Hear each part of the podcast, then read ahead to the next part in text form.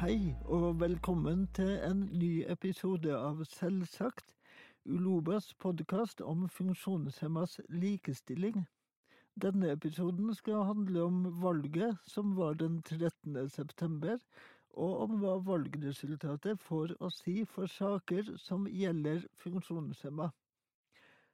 Trofaste selvsagt-lyttere vet hvor viktig det er å få FN-konvensjonen for funksjonshemmas rettigheter inn i norsk lov.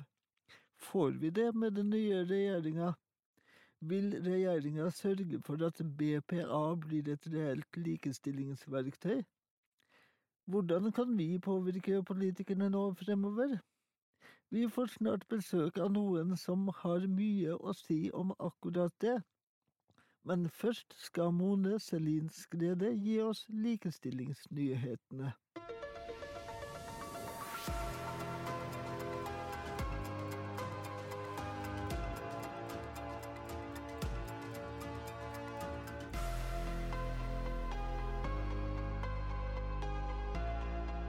Mandag 13. september ble det klart at vi får et regjeringsskifte.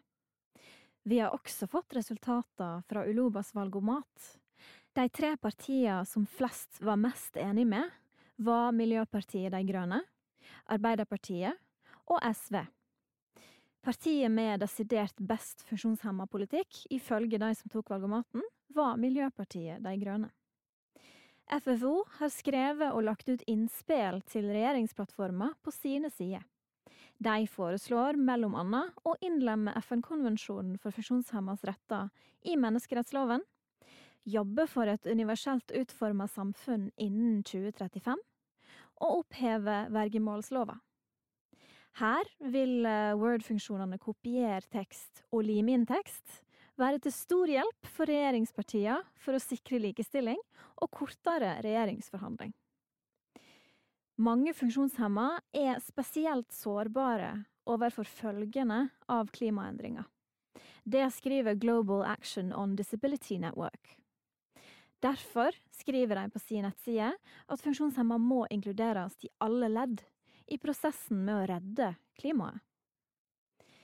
Ulobas politiske rådgivere Henriette Nilsen og Martine Eliasson inviterer til vårt nye politiske konsept Funkistimen i høst. Hver første tirsdag i måneden kan våre medlemmer og andre interesserte spørre om alt dere brenner inne med når det gjelder politikk for oss funksjonshemma. Vel møtt! I oktober skjer det også flere store ting i Uloba. Vi arrangerer årets Skansgård-forelesning 15. oktober. Der vil vi snakke om årets tilstandskartlegging, vår egen temperaturmåling av hvordan det står til for funksjonshemma med assistansebehov. Samme helg skal det også feires at Uloba fyller 30 år. Vi stiller med festlokaler i de store byene. Salt i Oslo, Skur 14 i Bergen, Rockheim i Trondheim og Storgata camping i Tromsø. Men festen kan også streames fra de eiga stove. Meld deg på nå! Dette var Likestillingsnytt, og jeg heter Mone Selin Skrede.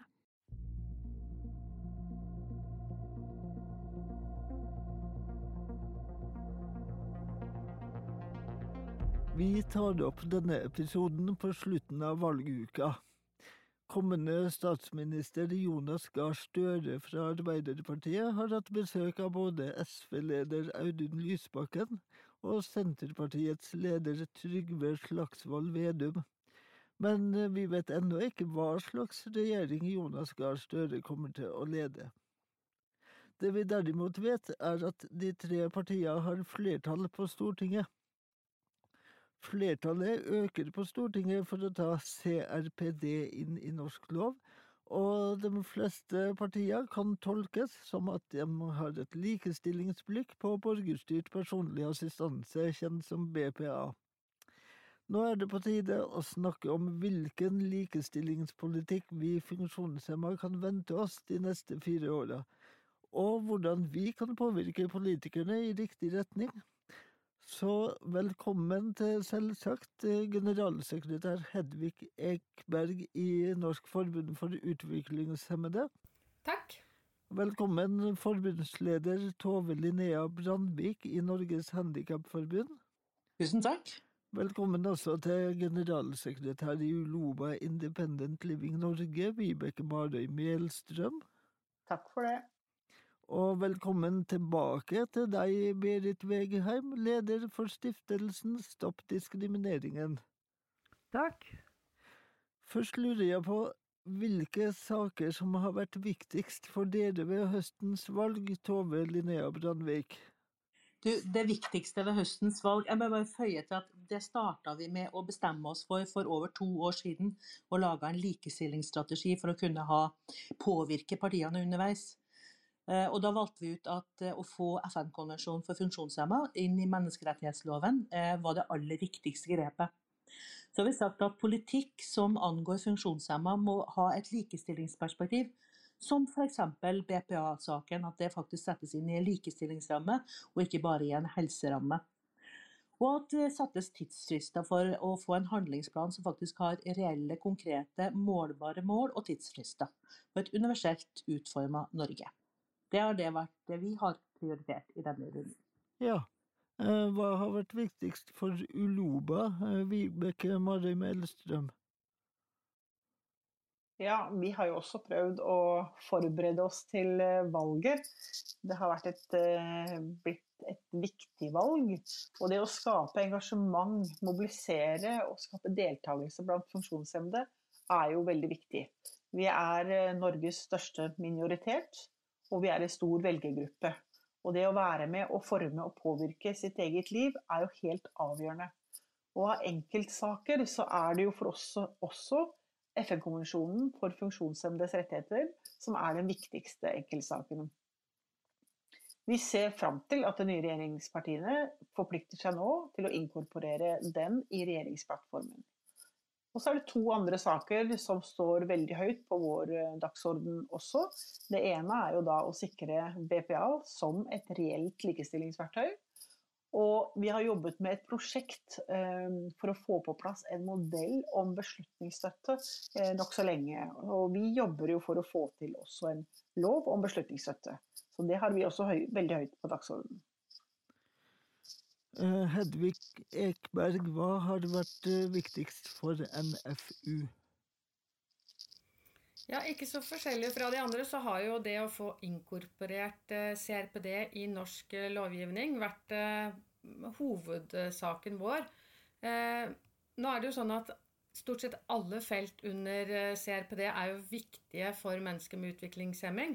Men vi så at vi måtte velge ut tre områder. Og da har vi på en måte lagt fokus på et, å leve og bo selvstendig, og opplæring og arbeid. Og så kan man jo kanskje stille seg litt undrende til at NFU ikke har prioritert uh, dette med vergemål og beslutningsstøtte. Um, men det, det, det, var en tøff uh, ting å, å, skalle ned til tre stykker. Men vi er definitivt også veldig opptatt av det, og det er noe et av de spørsmålene vi har stilt til alle uh, partiene når vi har sendt ut brev til dem før valget nå. Så det er også en viktig sak. Men eh, hvilke forventninger har du til at eh, CRPD blir tatt inn i norsk lov? Hvis jeg kan få lov til å være veldig naiv, si, så, jeg, eh, så tror jeg absolutt på det. Hvis jeg må være litt realist, så er jeg vel kanskje litt mer dempet. Vi vet jo at det er partier som har hatt i sin valgsak én ting som er det viktigste. Altså når de kommer i regjering, så er det ikke lenger det de har fått gjennomført. Eh, og når man da ser på CRPD, har jo ikke vært den viktigste saken for noen av partiene, men de, har, eh, de fleste har jo sagt at de vil gå inn for det. Eh, så da kan man alltids håpe, men det kan jo være at vi i hvert fall må legge inn litt mer trykk videre. Vi kan ikke på en måte lene oss tilbake nå og tenke at yes, nå er vi i mål. Vi må fortsette å drive på og, og jobbe for å virkelig få det gjennomført. Nettopp. Og for å sikre funksjonshemmedes rettigheter fullt og helt, så må vi ikke bare få CRPD inn i menneskerettsloven. Vi må også trekke tolkningserklæringene Eh, norske myndigheter mente at umyndiggjøring og bruk av tvang, som Norge praktiserer det, ikke brøt med konvensjonen. Derfor leverte myndighetene tolkningserklæringer til konvensjonens artikler om likhet for loven, om frihet og om personlig sikkerhet. Hvor langt inne sitter det for den kommende regjeringa å trekke tolkningserklæringene? Ja, jeg tror kanskje det kan sitte litt langt inne. Det var jo disse tre som, når de satt i regjering sist, som kom med tolkningserklæringene. Så hvis det nå blir de samme tre, eh, så kan det kanskje være noe som sitter litt lenger inne. Men vi får bare jobbe for det også, og håpe at man eh, skal kunne få de til å endre standpunkt på det også. Berit Vegheim SV sier at de vil trekke tolkningserklæringene. Vil de få gjennomslag for det? Ja, det var det 10 000 kroner-spørsmålet, det da. Altså, vi skal jo også merke oss at Senterpartiet sier jo at de ønsker seg en beslutningsstøttelov til å erstatte dagens vergemålslov. Så det er på en måte Akkurat når det gjelder den ene tolkningserklæringen, så kan det nok ligge an til at eh, SV og Senterpartiet vil dra Arbeiderpartiet til å trekke den. Men så har vi den andre tolkningserklæringen som gjelder dette med tvangen. Og den tror jeg sitter veldig langt inne, fordi vi har gjort oss så avhengig av bruk av tvang, både overfor utviklingshemmede, altså i hverdagen til utviklingshemmede, og innenfor psykiatrien. Så jeg er nok redd for at vi ikke trenger å tenke to tolkningserklæringer, men at vi kanskje blir nødt til å tenke at det er én av de som må ekstra sterkt press på. Vibeke Marøy Melstrøm, eh, når det gjelder eh, vergemål, så jobber Uloma også på dette feltet for at alle skal ha rett til å bestemme over det eget liv? alle mennesker har jo en måte å kommunisere på. Alle mennesker har rett til, som du sier, å ta egne valg og ha et selvstendig liv. Eh, om man ikke har et muntlig språk, så har man et annet type språk. Man har en måte å kommunisere på, og alle har en grunnleggende rett til dette. Og som jeg nevnte i det prosjektet i stad, så har vi i gang et eh, prosjekt for beslutningsstøttemodeller. Eh, det innebærer at det er flere personer som nå er i gang med å etablere sine egne beslutningsstøtteråd, som vil kunne bistå personen med nettopp å ta valg, men å være med å tolke hva valgene da vil innebære å være. Så det er vi spente på. Vi har stor tro på at det kan være én modell blant flere som vil bistå eh, til å sikre selvstendighet og selvbestemmelse. Og vi ønsker å være en konstruktiv partner i forhold til at eh, vi får etablert eh, en beslutningsstøttelov på et eller annet tidspunkt i Norge.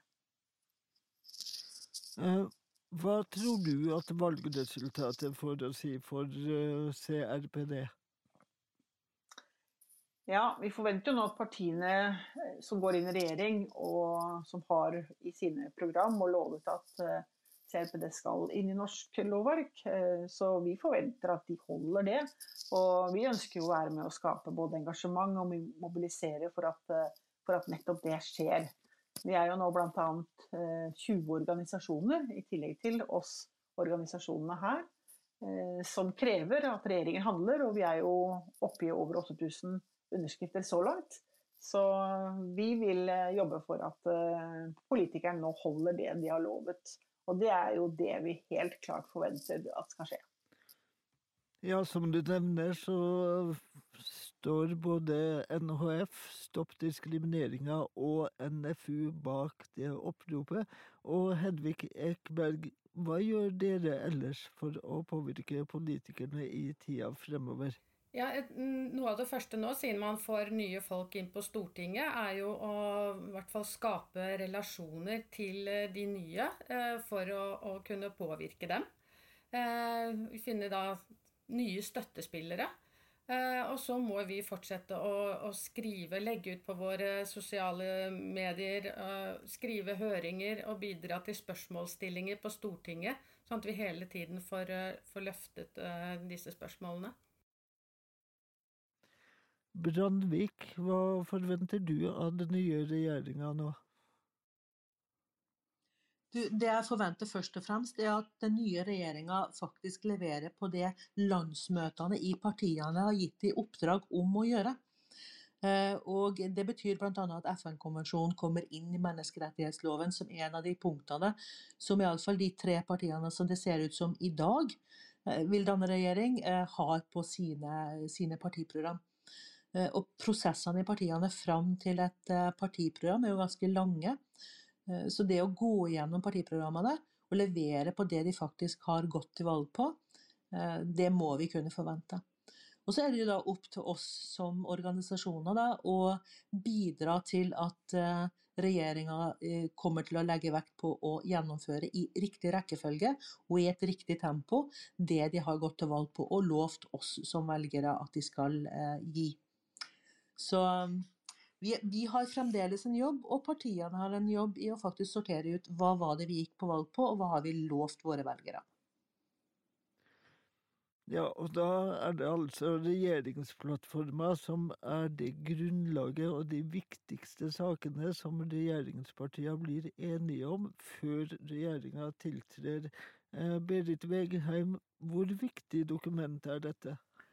Det har vist seg å være utrolig viktig. Og jeg tror kanskje at vi alle sammen har tatt litt for lett på å skjønne hvor viktig det er i de årene vi har holdt på. Men det har jo vist seg at uh, hvis vi ikke ser at det står i den plattformen at man faktisk vil inkorporere CRPD i menneskerettsloven, og hvis vi ikke ser noe klart og tydelig der eh, som peker i retning retning av i hvert fall at man vil eh, gå over fra vergemål til beslutningsstøtte, så skal vi være engstelige. Eh, veldig engstelige. Men det er mange andre ting vi må se der òg, og det er jo ikke minst det som koster mest penger. Det man ikke ser der, det kan man se langt etter. Fordi i budsjettkampene hvert år så er det dit man ser når man skal styre. Men hva om vi nå tar ett steg tilbake og spør hvorfor er det så viktig å få CRPD inn i menneskerettsloven, Berit? Jo, det er veldig viktig, fordi det er kun på den måten vi kan få ryddet opp i lovgivning i Norge som er i strid med CRPD. Og vi har jo laget nå fire episoder om CRPD og hva den krever, og hvilke lover i Norge som er i strid med den, og vi vet at det er veldig mange. Så for å få gått gjennom hele dette lovverket, så er det helt avgjørende. Og så er det også avgjørende for å styre videre, slik at vi ikke får nye lover som er i strid, og at ikke Norge slutter seg til nye internasjonale traktater og konvensjoner som er i strid.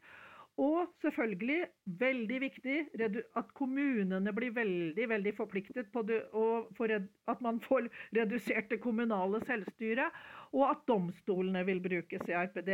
Og så er det det allmenne at først da kan vi regne med at storsamfunnet oppdager CRPD, at CRPD blir med inn i alle utredninger og all politikk som skapes osv. på linje med barnekonvensjon, kvinnekonvensjon og universelle menneskerettskonvensjoner. Så det er kjempeviktig at vi får det. Hvis vi ikke får det, så vil vi ha status quo. Et stikkord da er BPA, som står for Borgerstyrt personlig assistanse. Eh, Brandvik, både du og Melstrøm sitter i BPA-utvalget, som skal levere ei offentlig utredning i desember. Hva forventer du at den nye regjeringa gjør for å sikre BPA som et likestillingsverktøy? Du, jeg har egentlig ganske klare forventninger. Det vi ser eh, når, når, partiene har snakka om BPA underveis i, eh, i, denne valgkampen, her, er at de har en avventende posisjon til at utvalget skal levere. Men siden det har vært en enstemmighet om at det skal være et likestillingsverktøy, så forventer jeg faktisk at likestillingsperspektivet formuleres inn i en regjeringsplattform. eh, uten at de kommer med detaljene. For at vi som utvalgt leverer ikke før vi kommer nærmere jul, mens eh, den plattformen utformes nå. Men at de er tydelige på hva er prinsippet og målsettinga med det, det må ligge i en regjeringsplattform. Det blir veldig viktig for fremtida. Men hvilke muligheter har politikerne til å gå utover det som står i BPA-utredninga, hvis den viser seg ikke å gi sterke nok anbefalinger for at BPA skal føre til reell likestilling? Du, på godt og ondt så er jo en NOU, altså en utredning, det er jo bare gode råd til myndighetene. Eh, så politikerne har ikke noen bindinger til selve utredninga. De er ikke forplikta til å ta det som står der og gjennomføre det. Så det er faktisk helt opp til politikerne å følge rådene, eller å ikke gjøre det, og eventuelt velge andre løsninger. Viktig er jo at de ikke bare legger utredninga i skuffa og later som at den ikke er gjennomført. Eh, men det betyr jo at vi som organisasjoner har fine muligheter. Hvis det er sånn at eh, vi har lyst på endringer i forhold til hva som ligger der, så kan man påvirke videre. Både til i høringsrundene som kommer på NOU-er, og selvfølgelig i prosessen før politikerne gjør vedtak. Så NOU-en er ikke en endelig fasit, den gir gode råd. Det er litt sånn viktig for oss å huske på. Vi er ikke ferdig med jobben når NOU-en er levert. Nei, og Uansett om NOU-en havner i en skrivebordsskuff, så eh, havner vel ikke jobben med å sikre at BPA blir et reelt likestillingsverktøy i noen skuff, eh, Vibeke Marøy Melstrøm? Nei, det skal vi nå sørge for at den ikke, ikke blir. Vi har jobbet for BPA som likestillingsverktøy i 30 år, og vi har ikke tenkt å gi oss i det hele tatt med, med dette her. Eh, og vi forventer jo også en veldig rask oppfølging nå av det utvalget kommer med. Eh, vi vet jo alle sammen at mandatet som utvalget har fått, er utfordrende. Det å snakke om BPA som et likestillingsverktøy, og samtidig snakke om et kommunalt ansvar, det har jo vi vært tydelige på hele tiden at det er utrolig utfordrende. Så vi kommer til å jobbe for at BPA blir det likestillingsverktøyet som vi har utvikla sjøl blant funksjonshemmede og med funksjonshemmede gjennom mange, mange år.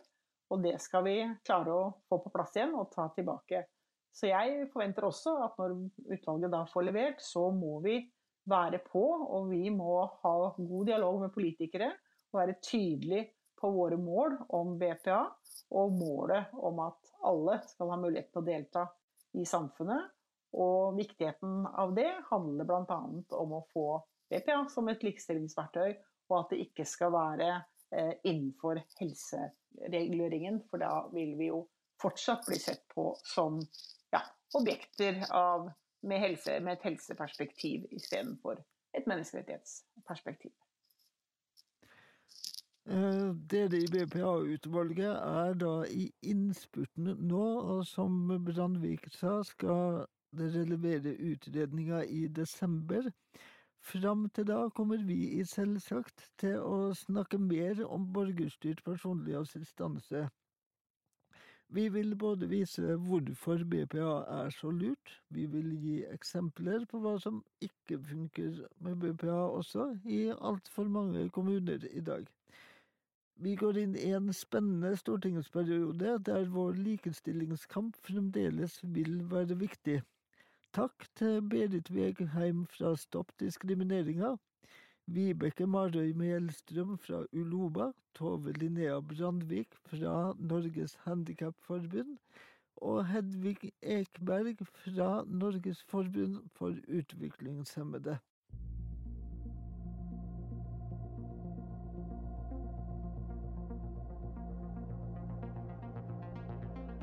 Nå skal vi få høre Mai Nina Hansen Auby reflektere over at ikke alle har muligheten til hemmelig valg.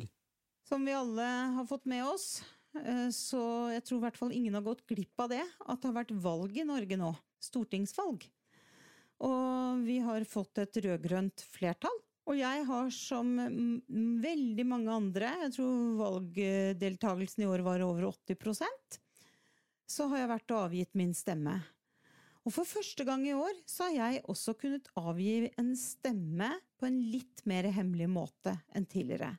Fortsatt kan ikke jeg øh, ha rett til et hemmelig valg.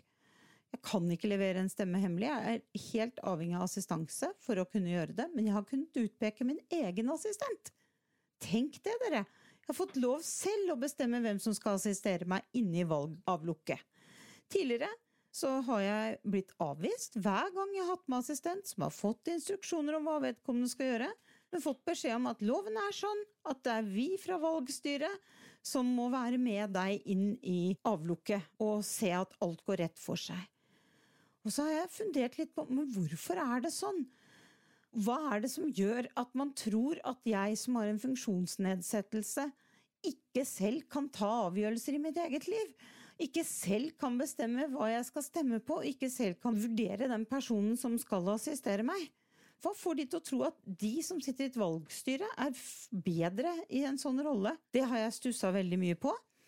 Og så sitter de og sier ja, men det er noe sånn det er, og ja, og ok, så er det sånn. Og jeg har avgitt stemme og gått og følt meg krenket.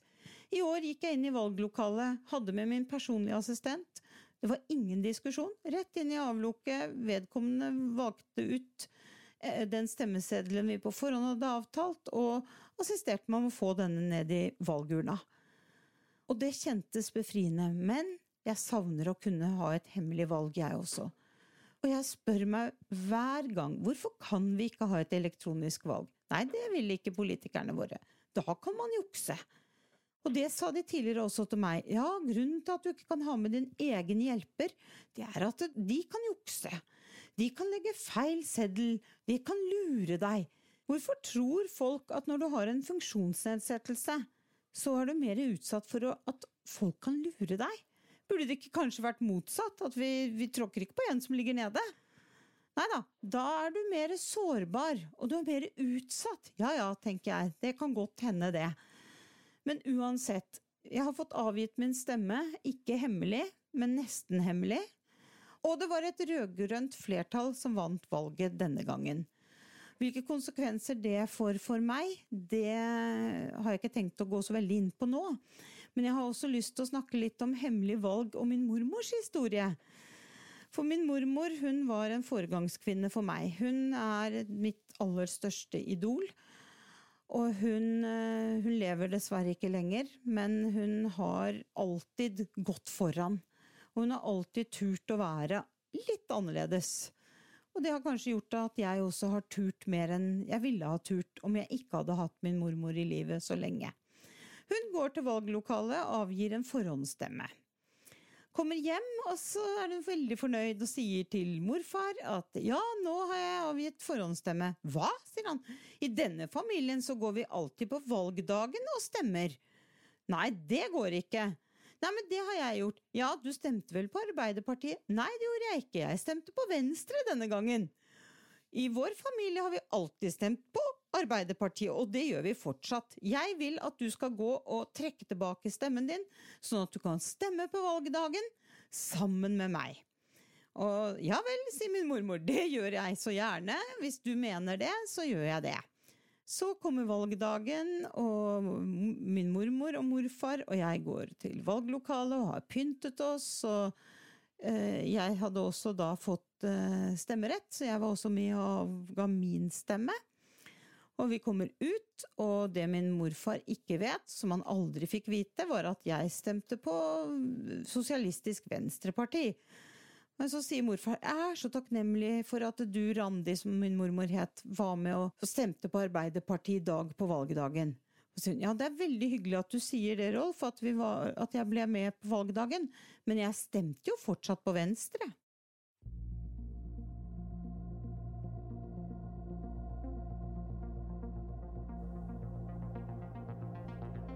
Takk til May-Nina Hansen Auby. Nå har du hørt sjette episode av Selvsagt. Mange har ennå ikke hørt om Selvsagt og vet ikke at podkasten fins. Du kan hjelpe til med å fortelle dem det. Få vennene eller kollegene dine til å lytte og til å følge Selvsagt, så får de beskjed hver gang vi kommer med nye episoder. I denne episoden har du hørt Mone Selin Skrede, Tove Linnea Brandvik, Vibeke Marøy Melstrøm, Hedvig Ekberg, Berit Vegerheim og meg, Nina Hansen Auby. Mitt navn er Helge Olav Haneseth Ramstad. Vi høres!